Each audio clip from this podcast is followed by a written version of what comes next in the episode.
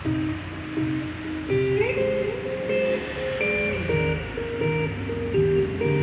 Sobat Kampus Nesia Assalamualaikum warahmatullahi wabarakatuh.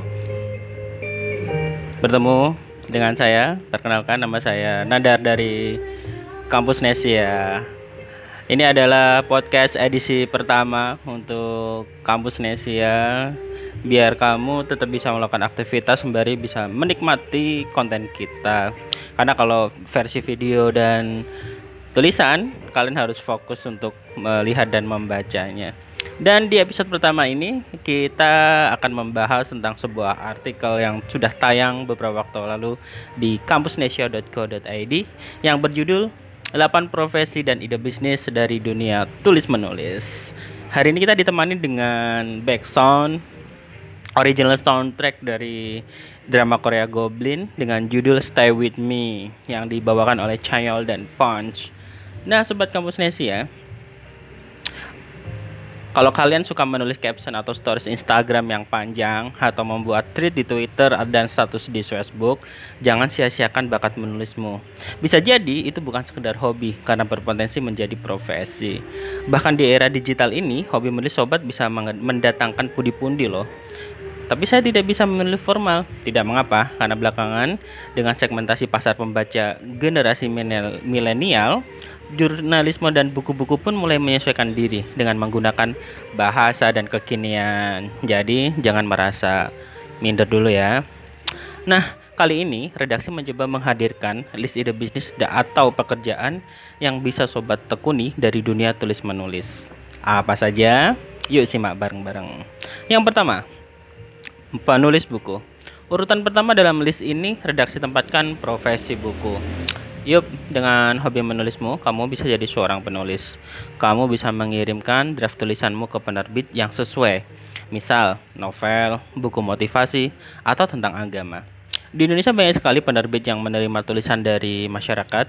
Tak perlu ragu karena kamu bukan penulis terkenal. Yang penting tulisannya menarik dan layak terbit. Bagaimana jika, jika ditolak? Coba lagi sampai diterima atau di era digital ini, mengapa kamu tidak terbitkan sendiri bukumu?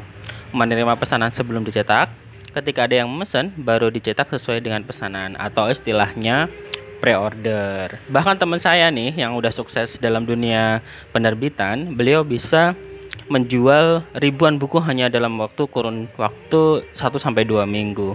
Bayangin tuh satu buku nih harganya 100 ribu. Kalau bisa menjual 5 sampai 6 ribu dalam seminggu atau dua minggu Berapa banyak omset dan keuntungannya?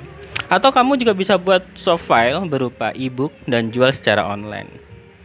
Di urutan kedua ada jurnalis. Jadi kamu bisa menjadi jurnalis Iya kamu suka menulis tentu saja bisa jadi jurnalis e, Saat ini selain jurnalis atau wartawan media resmi kamu juga bisa jadi kontributor dan menulis untuk media atau situs-situs online. Jadi istilahnya kayak kontributor gitulah ya. Kemudian editor. Yang satu ini butuh kemampuan menulis di atas rata-rata dan memang sesuai dengan tanggung jawab profesinya. Editor harus bisa membuat sebuah tulisan jadi lebih menarik untuk dibaca, selain juga tentang benar dan salah atau hal teknis penulisan lainnya. Yang keempat ada ghostwriter. Jadi menjadi penulis tapi harus siap tidak dicantumkan namamu di hasil tulisannya. Biasanya profesi ini untuk membantu institusi, perusahaan atau tokoh yang ingin membuat biografi atau tulisan tentang diri mereka. Semacam personal branding gitu. Yang kelima, uh, blogger. Nah, di tulisan yang lain uh, saya pernah mengupas tentang cara mendapatkan penghasilan dengan menjadi blogger. Hari ini kamu bisa menjadi blogger tentang jalan-jalan misalnya, traveling, kuliner, atau review produk gadget yang terbaru. Ya. Kemudian yang keenam adalah content writer. Jadi menulis untuk orang lain atau perusahaan dengan tema sudah ditentukan. Mirip dengan ghost writer sih, uh, mungkin sedikit perbedaannya. Ghost writer identik dengan buku, tetapi content writer identik dengan website atau blog orang lain. Jadi uh, bisa aja misalkan uh, kampus Nesia uh, meminta orang lain untuk menuliskan kontennya tapi nanti kali ya kalau udah bisa menghasilkan dan bisa membayar orang. Sementara sih kita masih bikin tulisan sendiri. Yang ketujuh penerbit. Uh, biar greget sekalian daripada profesi enam yang lain yang sudah disebutkan kenapa nggak jadi penerbit sekalian? Cukup dengan modal atau mana tulisan dan buku yang potensial untuk laris di pasaran dan kemampuan mengelola bisnis atau minimal bisa jualan kamu sudah bisa jadi penerbit kalau urusan mesin cetak tidak harus punya menurut saya karena hari ini kita bisa bekerja sama dengan percetakan untuk mencetak bukunya.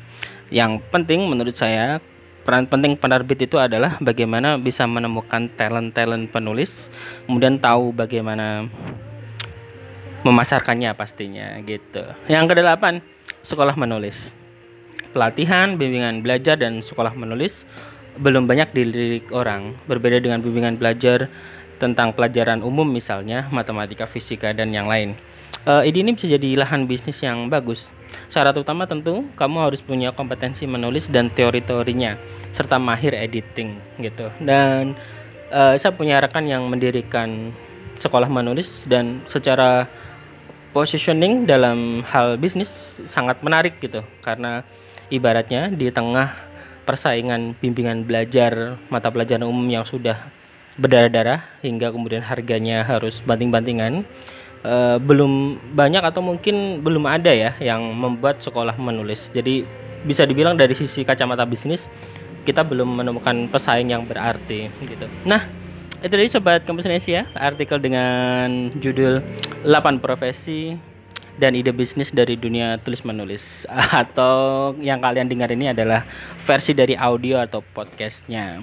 Kamu bisa kamu bisa coba uh, yang paling sesuai atau jika ada di antara para pembaca yang sudah menjalani salah satunya bisa kali ya berbagi pengalaman di kolom komentar. Semoga bermanfaat dan sampai jumpa. Saya Nandar. Salam prestatif. Uh, tetap baca kampusnesia.co.id. Wassalamualaikum warahmatullahi wabarakatuh.